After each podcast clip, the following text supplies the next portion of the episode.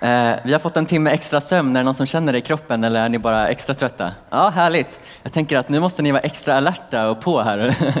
Jag tänker att jag har en, en eh, fördel där. Vi ska gå in rakt in i Guds ord.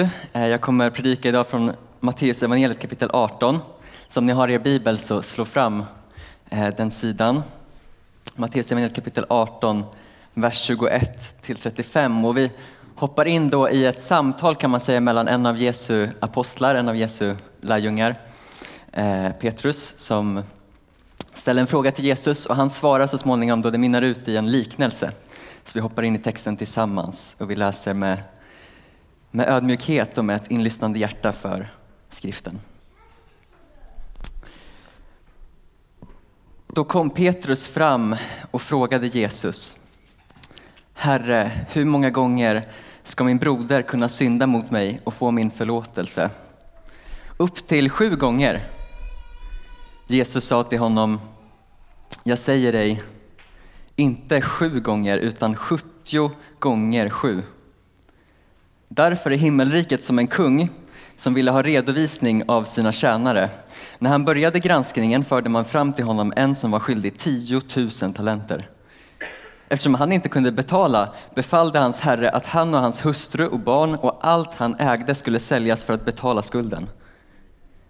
Tjänaren föll då ner för honom och vädjade. Ha tålamod med mig så ska jag betala tillbaka allt till dig. Och då förbarmade sig tjänarens herre över honom och lät honom gå och efterskänkte hans skuld. Men när tjänaren kom ut mötte han en av sina medtjänare som var skyldig honom hundra denarer. Han tog fast honom och började strypa honom och sa, betala vad du är skyldig. Hans medtjänare föll då ner och bad honom, ha tålamod med mig så ska jag betala dig. Men han ville inte, utan gick och satte honom i fängelse tills han hade betalat vad han var skyldig. När hans medtjänare såg vad som hände blev de mycket upprörda och gick och berättade allt sammans för sin herre. Då kallade hans herre honom till sig och sa, du usle tjänare, hela den skulden efterskänkte jag dig därför att du bad mig. Borde inte du ha förbarmat dig över din medtjänare, liksom jag förbarmat mig över dig? Och i sin vrede överlämnade hans herre honom till torterarna tills han hade betalt allt vad han var skyldig. Så ska också min himmelske far göra med er om ni inte var och en av hjärtat förlåter er broder. Tack Gud för ditt ord. Tack för att du vill tala till ditt ord och hjälpa oss förstå, öppna upp våra sinnen till att ta emot det du vill säga till oss idag, din församling. Och ge mig nåd att, att förmedla det. Amen. Välkommen till kyrkan. Visst var det en härlig, en härlig text? Uh, Ja, men jag, jag, är glad att vara här. Jag är glad att vara här i kyrkan. Det, eh, jag är glad att få se er framför mig. Eh, jag är glad att jag får predika idag. Men det är också, jag känner, jag vet inte om du känner av det också, men jag känner att det är lite så svårt att vara människa just nu. Det är så mycket som händer i vår värld och man, är, man kommer lite så här stukad på något sätt. Jag vet att de flesta av oss är väldigt privilegierade i den här världen. Men man kommer ändå hit och känner att det är lite svårt att vara människa och behålla sin mänsklighet i de här tiderna. Jag känner själv personligen lite grann som att jag liksom kastas emellan två lägen och jag vet inte om du känner igen dig i det här. Eh, men det är lite som att man kastas mellan å ena sidan att vilja liksom gömma sig under täcket och bara så scrolla Instagram och kolla på så roliga klipp typ. Eh, och att å andra sidan vill man liksom kasta sig ut i kommentarsfälten och skriva någon så här arg, liksom, något argt svar. Hur kan du ha den där åsikten? Liksom? Hur kan du tycka så där? Hur kan du säga så här? Alltså, i ena sidan någon slags, vad jag kallar då fight mode, av att man vill ge igen, man vill puckla på. Och å andra sidan flight mode. Jag vet inte om vi får upp den illustrationen här. Fight mode och flight mode. Får se. Ja. Men det är liksom lite som två, två lägen som jag uppfattar att vår värld väldigt mycket befinner sig i just nu. Alltså vi befinner oss i ett fight mode, ett slags krigstillstånd både fysiskt att, att det pågår väldigt mycket krig, men det är också en väldigt krigisk atmosfär på något sätt. Alltså, Paulus talar ju i någonstans Romarbrevet 12, va? att överträffa varandra med ömsesidig aktning. Det vi ser är nästan någon slags motsats, att bara kolla på gängkonflikten, liksom, att man överträffar varandra i någon slags alltså, våldsamhet och kallblodigt mördande. Det är det vi ser i vårt samhälle, i vår stad och i vårt land just nu. Häromveckan så fick vi höra om en familj som liksom kallblodigt blev, ja, pappan blev mördad och de blev beskjutna i sitt hem på grund av att de råkade dela samma efternamn som en gängbrottsling. Alltså man har passerat någon slags gräns av våldsamhet och det eskalerar. Våld bemöts av mer våld som bemöts av ännu mer våld. Det här är såklart en extrem situation men jag tänker att vi, vi ser det på många nivåer. Att hatretoriken ökar. Jag såg i mitt flöde bara här i veckan liksom att den ena blir kallad för terroristkramare och den andra blir kallad för liksom, eh, blir beskylld för folkmord i princip. Liksom. Du, du står för folkmord. Så här. Och det är liksom den retoriken som vi ser i våra sociala medier väldigt mycket, också här i Sverige. Och flight mode då, alltså någon slags motsats. Att vi dränker den här smärtan, vi dränker traumat för att det är så jobbigt runt omkring. Så vi dränker det i en oupphörlig ström av konsumtion och underhållning. Känner du igen dig i det? Stänger av nyheterna och så gömmer vi våra trauman i någon slags garderob. Liksom. Stänger till dörren och hoppas att det inte ska komma tillbaka. Att vi inte ska behöva möta det där. Jag ska predika om förlåtelse idag och jag förstår att det är lite provocerande med en sån inledning. Är det verkligen tid för att förlåta? Är, det verkligen, är jag verkligen rätt person, en privilegierad vit ung man i Sverige, att, samt, att prata om förlåtelse i de här tiderna? Är det verkligen ta rätt timing så här? Och jag har känt lite så här, ja, det är nervositet inför det också. Så, eh, för att det inte är lätta saker. Men jag tror att det är väldigt viktigt att vi pratar om förlåtelse också i den här tiden. Jag tror att det är väldigt viktigt att vi reder ut vissa missförstånd som finns omkring vad förlåtelse handlar om. Alltså, förlåtelse handlar inte om att ignorera ondskan eller att ignorera orättvisor. Det handlar snarare om att ge rum för Guds nåd och sanning, att upprätta, att förvandla att hela. Jag ser på förlåtelse lite som både en gåva och en befrielse. Alltså det är förlåtelsen som får liksom, den alkoholiserade farsan att bli någonting annat än bara en alkoholiserad frånvarande farsa. Det är förlåtelsen som möjliggör att den här 15-årige gängbrottslingen ska bli någonting annat än bara en kallblodig mördare i sitt liv. Det är förlåtelsen som skapar rum för att den otrogna hustrun ska kunna bli någonting annat än en otrogen hustru. En, en lojal, trogen vän. Det är förlåtelsen som gör att jag kan stå här och predika överhuvudtaget idag. Alltså vi är fullständigt beroende av förlåtelse. Och Gud är för förlåtelse. Därför att Gud är en Gud som förvandlar. Gud är en Gud av förlåtelse därför att Gud är en Gud av förvandling. Från den första sidan i Bibeln till den sista så handlar Guds verk om försoning. Från liksom det första sveket från Adam och Eva till liksom det fjärde kapitlet i första Moseboken, det första mordet mellan två bröder. Och så ända till den sista sidan där vi läser om att det inte finns något lidande, ingen död, ingen plåga, inga tårar, ingen sorg. Guds verk från början till slut handlar om försoning. Men det finns ingen försoning utan förlåtelse. Och det finns ingen försoning och ingen förlåtelse utan omvändelse. Och det finns ingen omvändelse utan sanning.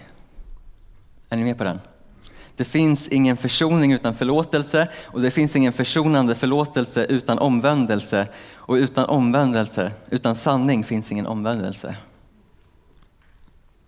Alltså förlåtelse någonstans, som vi läste i berättelsen, det är att lägga fram skulden på bordet, titta på den tillsammans, säga så här mycket är du skyldig, ja jag ser det, jag ser det, jag ser skulden framför mig, den är stor.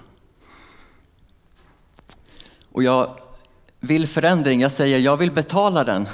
Jag, vill betala, jag ser att jag är skyldig dig, jag vill betala dig tillbaka. Det, det är omvändelse. Jag vill betala tillbaka det här som jag ser. Sanningen ligger på bordet. Jag omvänder mig, jag vill betala tillbaka.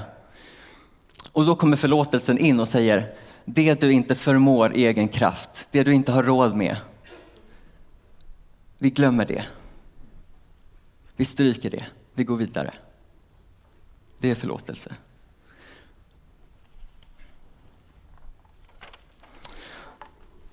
Om vi går tillbaks till texten då, jag ska bara dricka vatten.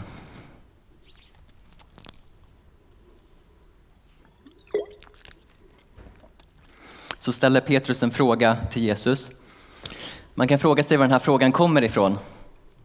Alltså, hade han haft en väldigt dålig dag, varit väldigt irriterad på de andra lärjungarna där, eller liksom, vad hade föranlett den här frågan egentligen?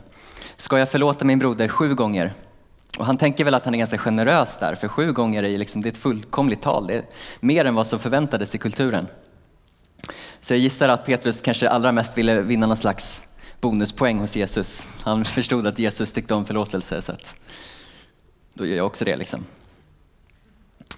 Men jag tror att det är viktigt här att vi, att vi stannar vid, vad, vad är det han frågar? Jo, han frågar, hur många gånger ska jag förlåta min broder? Alltså, det den här texten berör är ju personliga relationer. Relationer mellan en broder och en annan. Personliga relationer. Så. Det är inte, vi rör oss liksom inte i den politiska sfären här. Och jag tänker att det är väldigt viktigt att poängtera. Det liksom, förlåtelse är inte att säga, nej men strunta i att ring polisen om du blir utsatt för liksom någonting. Utan så här, nej glöm det. Liksom. Jag tänker att vi alla förstår det, att, att det här är någonting annat. Det här gäller personliga relationer. Och Jesus svar då, han svarar nej inte sju gånger utan sju gånger sju, eller 77. Kanske en bättre översättning. Jag tänker att Jesus helt enkelt vill styra om hans fråga. Att, att det är liksom lite fel fråga att ställa så här. Eh, frågan är inte hur många gånger vi ska förlåta, utan frågan är vad handlar förlåtelse om? Varför överhuvudtaget ska vi förlåta? Och då leder Jesus samtalet vidare in i den här liknelsen. Då. En liknelse om eh, en tjänare som på något sätt har lyckats bli skyldig 10 000 talenter. Jag vet inte om du vet, alltså i dagens penningvärde, det är lite svårt att översätta, men man kan säga att de har tagit den högsta siffran i grekiskan och sen den högsta liksom valutan. Så man skulle kunna översätta det lite som Eugene Peterson gör i The Message, att han säger 100 000 miljoner, typ. Så här. Hur mycket, hur mycket är han skyldig? Jo, men han är skyldig 100 000 miljoner. Det är liksom en fantasisumma. Poängen är bara att visa att det är helt omöjligt att betala tillbaka. Och man, det är också helt orimligt att vara skyldig så mycket pengar. Alltså vad kan man göra för att bli skyldig så mycket pengar till en människa? Jag vet inte. Så här, ursäkta brorsan, kan jag få, jag ska köpa två jetplan typ. Eh, eller något. Det är helt orimligt. Eh, och Jesus menar med den här liknelsen att sånt är himmelriket. Alltså den skulden, en så, så pass stor skuld sitter vi alla inne på. Det är omöjligt för oss att sona skulden gentemot vår fader, gentemot vår Herre Gud. Och insikten då blir ju att på grund av att vi alla har blivit förlåtna, på grund av att vi alla är beroende av förlåtelse, så är vi också skyldiga att förlåta varandra.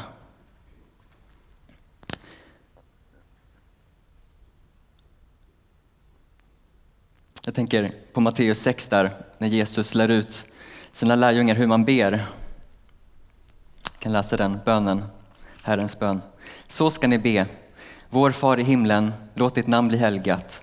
Låt ditt rike komma. Låt din vilja ske på jorden så som i himlen. Ge oss idag vårt dagliga bröd och förlåt oss våra skulder så som vi förlåter dem som står i skuld till oss och för oss inte in i frestelse utan fräls oss från det onda. Och lyssna nu här då. För om ni förlåter människorna deras överträdelser ska er himmelske far också förlåta er. Men om ni inte förlåter människorna ska inte heller er far förlåta era överträdelser. Alltså det, det är ju den enda bönen här som följs av ett villkor. Förlåt oss så som vi också förlåter de som står i skuld till oss. Och jag vet inte hur, det, det kanske låter hårt, men jag tänker lite att förlåtelse är som porten in i Guds rike. Alltså vi behöver alla vandra in genom den porten. Vi behöver alla omvändas och ta emot förlåtelsen för att kliva in i det som Gud har för oss. Och att förneka då någon annan tillträde till den här porten, det är lite att säga att jag vill heller inte ha del i det som finns där inne. Jag vill inte ha del i den porten. Jag vill inte ha del av Guds rike som handlar om försoning, om förlåtelse. Från start till mål. Alltså Gud är en Gud som försonar. Ifrån, han, han tar ovän och gör det till en vän. Han tar liksom fiende och gör det till en medarbetare. Han tar, vad är det står? Eh, nu tappar jag bort mig här. Ja, skitsamma. det handlar om försoning. Um,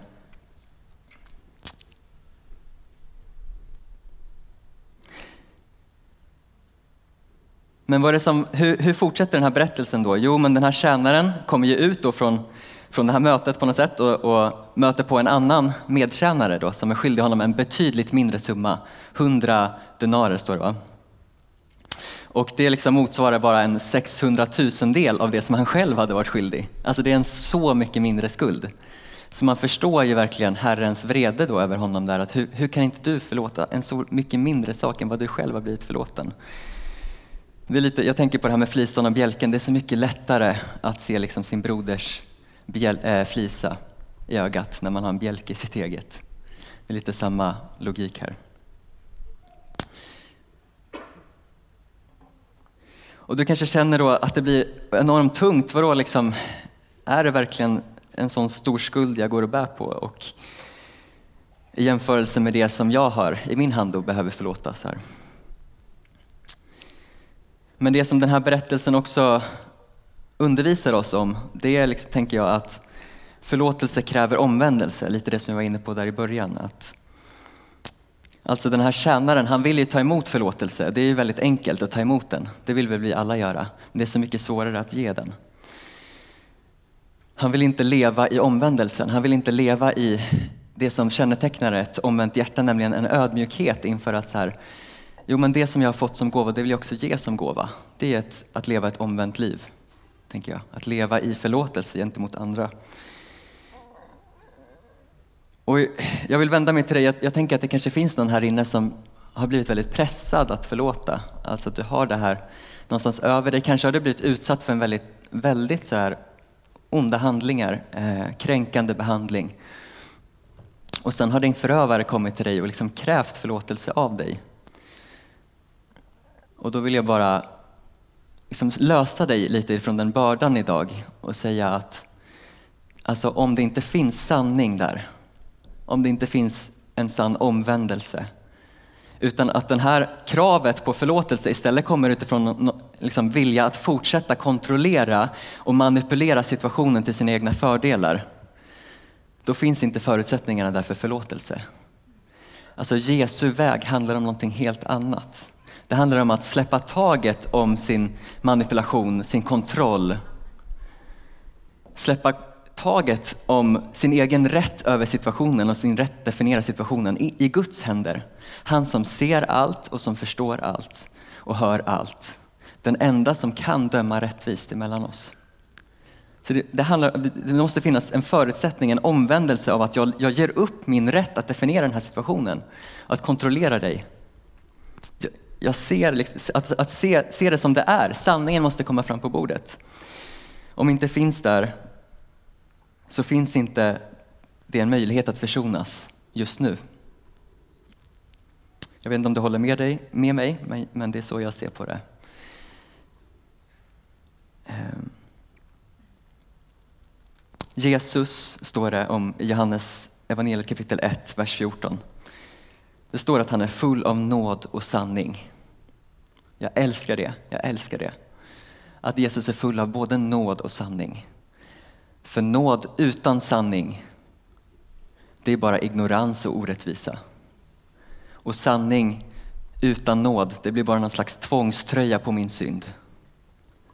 Men Jesus är full av både nåd och sanning. Han förenar de två i sin person och det blir till vår upprättelse, förvandling, det blir till försoning, frälsning. Och jag ska inte hålla mig så mycket längre faktiskt. Eh, så lovsångsteamet kan börja göra sig redo. Men jag vill ge dig någonting här i slutet. En bild som jag har burit med mig den här veckan. Jag ska plocka fram en grej här.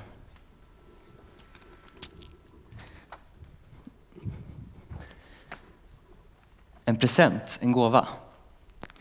Jag tänker att vi kan se på förlåtelse lite som en gåva. Alltså, jag, jag ger dig någonting bättre än vad du förtjänar. Jag ger dig någonting mer. Jag besvarar inte de här liksom klagomålen emot mig, den här, den här orättvisa behandlingen med att bemöta på samma sätt. Utan jag ger någonting bättre tillbaka. Jag ger någonting vackrare tillbaka. Jag svarar med vänliga ord istället. Jag svarar med kärlek emot det hat som har mött mig. Jag svarar med en större generositet än vad som har visats mot mig. Jag tänker på den här liknelsen, den kända liknelsen som Jesus också ger oss i Lukas evangeliet kapitel 15. Om en son som tar ut sitt arv, sin del av arvet och drar iväg och spenderar det på själviska intressen. Tills det blir svält i landet och han, han hamnar i, i stor nöd. Och så kommer han på att jag kan ju återvända till min pappas gård. Så han gör det. Han går hem och tänker att jag kan väl åtminstone få vara som en tjänare. De får i alla fall mat på bordet. Men så när han kommer till gården så möter hans pappa honom, springer emot honom, omfamnar honom. Och han ordnar en stor fest. Alltså det är någonting som han inte har fått förtjänat. Det är någonting som är så mycket bättre, någonting som är så mycket vackrare. Här, jag, jag fixar en fest till dig, jag slaktar gödkalven. Och han sätter en ring på, på hans finger för att visa liksom att så här, positionen är återställd. Du är inte bara min tjänare, du får vara min son trots det du har gjort. Det är liksom glömt. Det är förlåtet. Och han sätter den finaste klädnaden på, på hans kropp, klär honom med. Det är förlåtelsen som gåva, att ge någonting bättre än vad som förtjänas. Det är också det som talas om i Romarbrevet kapitel 8. Det står i vers 1, så finns nu ingen fördömelse för dem som är i Kristus Jesus.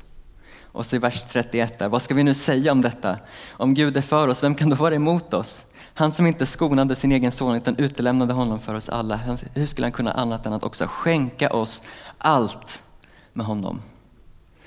Alltså Jesus inte bara liksom återställer det som var, han inte bara förlåter oss utan han ger oss tillbaka allt det som var förlorat. Relationen får bli som ny. Han ger oss den presenten.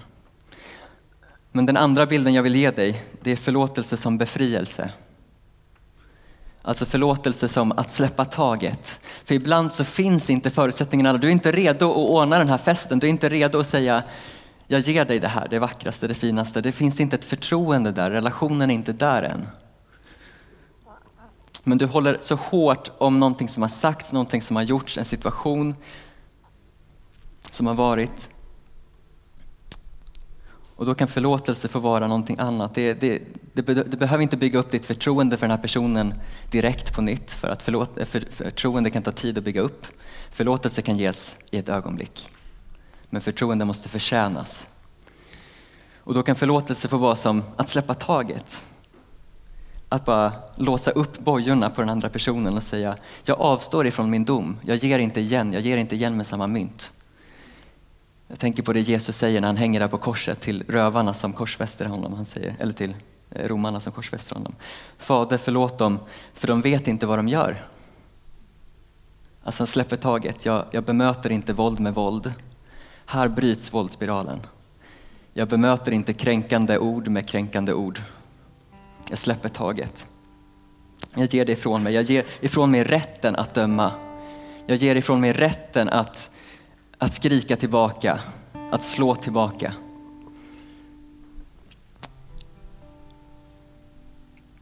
Ett, ett av de grekiska orden som används i Nya Testamentet för förlåtelse, det är afesis och det betyder just att frigöra, att släppa. Att frigöra, att släppa, att förlåta, att släppa taget, att släppa greppet.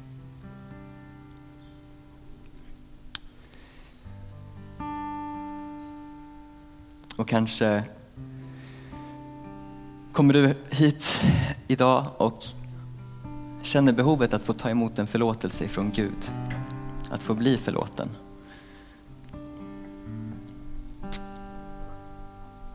Vi bad lite här innan och jag såg som en bild av eh, ett rotsystem. Och jag tänkte så här, beskära rötter, det gör man ju inte. Man beskär grenar eh, för att det ska ge mer frukt och den bilden finns ju också i Bibeln. Men så var det någon som påminde mig att det finns en sån här bild i, i Bibeln av att skära bort rötter. Det står i Hebreerbrevet kapitel 12 i vers 15. Jag har inte den på skärmen nu men ni får lyssna. Se till att ingen går miste om Guds nåd och att ingen bitter rot får växa upp och skada och smitta många. Alltså vissa kommer hit och du behöver beskära rötter. Det finns saker som, där du har hållit fast om någonting som har varit alldeles för länge.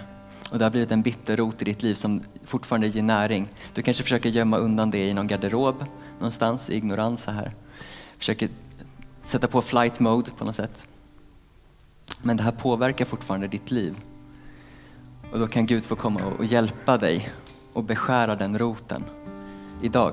Jag tror att vi kan få hjälpa varandra, bära varandra i, i sådana böner den här gudstjänsten. Men någon kommer också hit och känner ett behov av att få bli förlåten. Och det står i Bibeln att, att Gud har makt att förlåta synder och att Människosonen, Jesus Kristus, har makt att förlåta synder. Det var, han blev anklagad för att häda, för att han sa det själv. Han kunde komma fram till en person och säga dina synder är förlåtna. Och sen var den personen löst i ett ögonblick. Jesus är här idag för att förlåta synder. För att befria, att lösgöra, men också återställa det som var förlorat. Han vill ordna, ordna en fest åt dig. Amen. Ska vi be en bön? Och sen ska vi gå in i, i lite mer bön och lovsång här. Caroline ska få leda oss vidare i det. Tack Jesus för den här gudstjänsten. Det här ordet om att eh, få förlåta så som vi har blivit förlåtna. Tack för att du är en Gud av försoning. Att du lyfter av tunga bojor som vi håller varandra fast i. Och som vi kanske håller oss själva fast i. Ibland så är det svåra, svåraste att förlåta sig själv. Men jag ber Herre om förmågan att släppa taget, att släppa på domen idag. Att släppa på rätten att definiera det som har varit själva i dina händer. Låta din sanning och nåd komma in och upprätta det som har gått förlorat. Göra rum för försoning, göra rum för frälsning och förvandling i vår värld. Vi behöver det så mycket Herre. Vi behöver så mycket att vi vänder kinden till, att vi bemöter hat med kärlek och det känns nästan, nästan fånigt att säga det. Eh, men vi ber om din nåd Herre, att leva så som du lär i den här världen, i den här tiden Gud.